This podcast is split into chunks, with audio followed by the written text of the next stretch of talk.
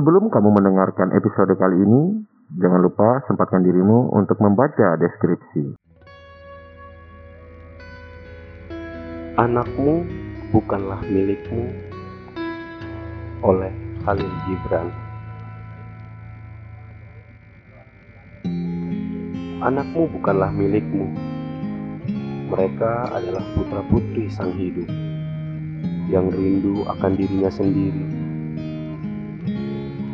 Mereka lahir lewat engkau, tetapi bukan dari engkau. Mereka ada padamu, tetapi bukanlah milikmu. Berikanlah mereka kasih sayangmu, namun jangan sodorkan pemikiranmu sebab pada mereka ada alam pikirannya sendiri.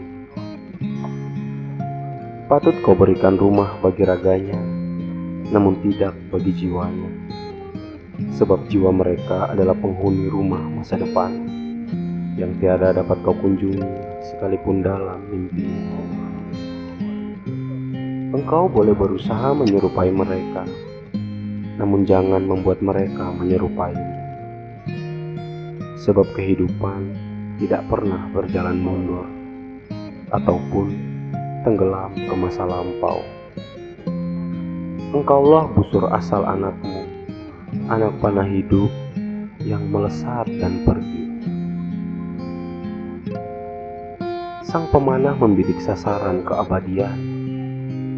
Dia merentangkanmu dengan kuasanya hingga anak panah itu melesat jauh dan cepat.